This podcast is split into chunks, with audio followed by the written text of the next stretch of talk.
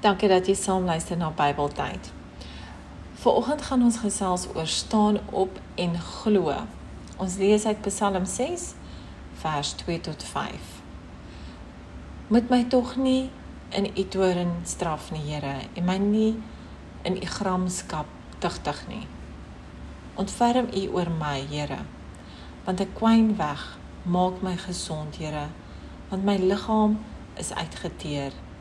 Ek is heeltemal gedaan. Hoe lank nog, Here, voordat U uitkoms gee? Neem my weer onder U sorg, Here, en red my lewe. Help my want U is getrou.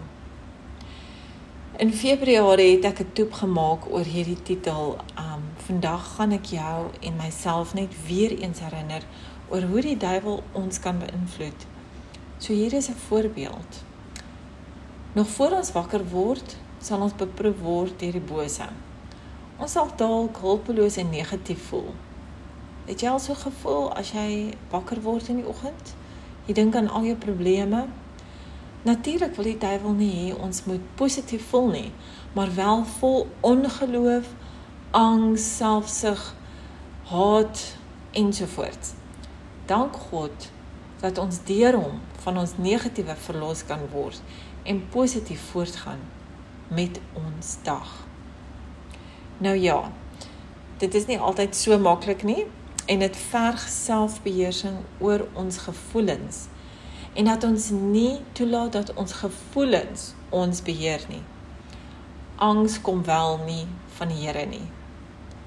Hy wil nie ons moet angstig lewe nie. Hy wil hê ons moet op hom vertrou.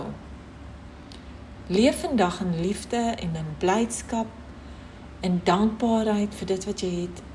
Goedgunstigheid wys vir mense daar buite hoe jy hulle kan help. Tevredenheid, dit wat jy het in jou lewe.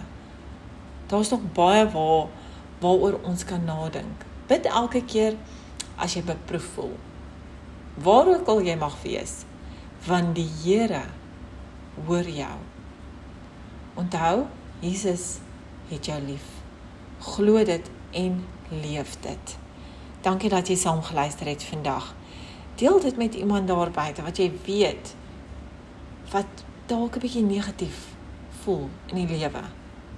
Wat dalk hulle werk verloor het. Wat dalk in 'n siekte toestand is. Mense wat sukkel, wat kindertjies het wat nie kan skool betaal Stuur dit aan. Deel dit met mense in jou lewe. Totsiens.